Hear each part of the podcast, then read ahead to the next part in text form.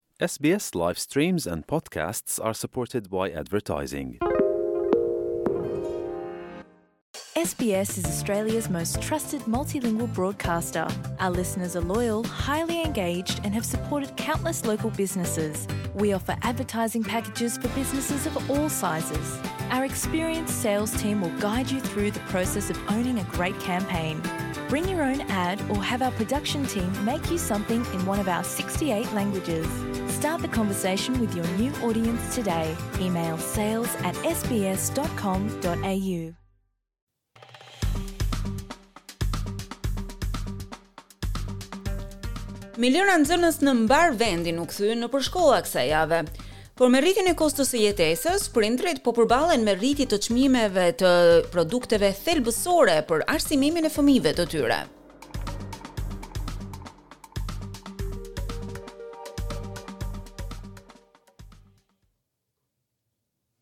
Good morning boys. This is our school time. Wake up please. Now wake up your sister. Është rutina e mëngjesit që ndjek familja Duquan. Këtë vit, motra e vogël, Adual, do të fillojë shkollën për herë të parë.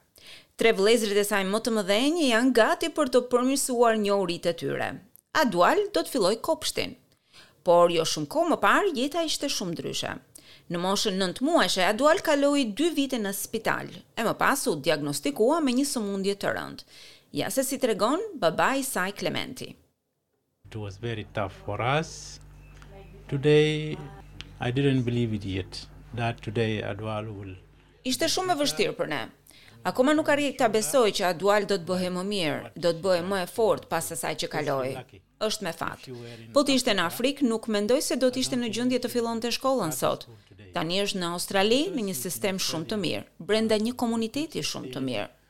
I njëjti komunitet në Sacred Heart Primary në perëndim të Sidneit e ndihmoi Klementin të emigronte në Australi nga Sudani i Jugut në vitin 2003.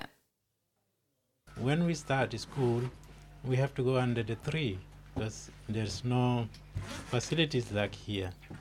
Në kohën time kur shkoja në shkollë, m'u desh të mësoja nën një pemë sepse nuk kishim shkolla me ndërtesa si këtu. Prandaj u them fëmijëve të mos e humbasin këtë mundësi. Është momenti më i duhur. Kur fillova, haja vetëm mëngjes, as drekë e as darkë. Ndërkohë këtu jeni me fat, keni tre vakte bukë. Everybody is ready for breakfast? Let's go eat breakfast and then go to school. Fëmijët mbërrijnë në ditën e parë të shkollës e drejtori i shkollës Glenn Pausell i përshëndet. It's great to welcome over 300 children back here to Sacred Heart Primary School in Mount Druitt South. They're really excited and we're very excited. Është kënaqësi të presim 300 fëmijë në shkollën fillore në Mount Druitt. Jemi me të vërtetë të emocionuar t'i shohim përsëri në bankat tona për një vit tjetër shkollor.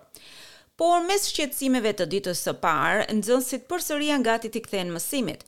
Por me rritjen e çmimeve të shkollës, të cilat janë pjesë e krizës së vazhdueshme të kostos së jetesës, por për disa familje jeta nuk është e lehtë. Ja se si shprehet një prind.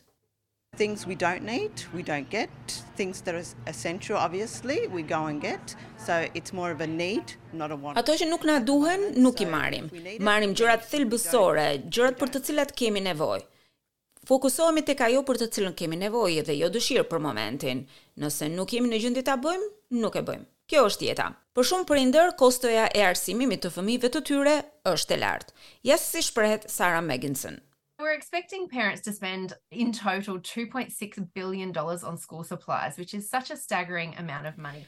Sipas parashikimeve tona, prindërit do të shpenzojnë këtë vit një total prej dy pikë gjashtë miliardë dollarësh vetëm për sendet e shkollës, një gjë shumë e madhe. Për shpenzimet mesatare të shkollës fillore, kostoja është pesëqind e shtatëdhjetë dollarë, shkollën e mesme shtatëqind e shtatëdhjetë dollarë, dhe kjo nuk përfshin kostot e vetë shkollës.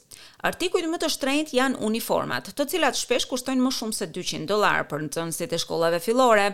Tekstet shkollore kushtojnë rreth dyqind e gjashtëdhjetë e tetë dollarë për nxënësit e shkollave të mesme. Dhe vetëm këpucët janë mesatarisht njëqind dollarë për çdo fëmijë. Këtyre të dhënave i shtohen edhe kosto të tjera si transporti, kampet shkollore e të tjerë e të tjerë. So our kids play sport as well, so we found that the there's like on top of uniforms and things like that, so we had to get them a separate uniform. Fëmijët tanë luajnë sport, kështu që ne përveç uniformave të zakonshme, na u desh që t'i blinim dhe uniformat e sportit. Çdo gjë është e shtrenjtë tani. E ndërsa rikthimi në shkollë rezulton stresues për disa fëmijë, familja Dekuan e sheh atë si një fillim të ri.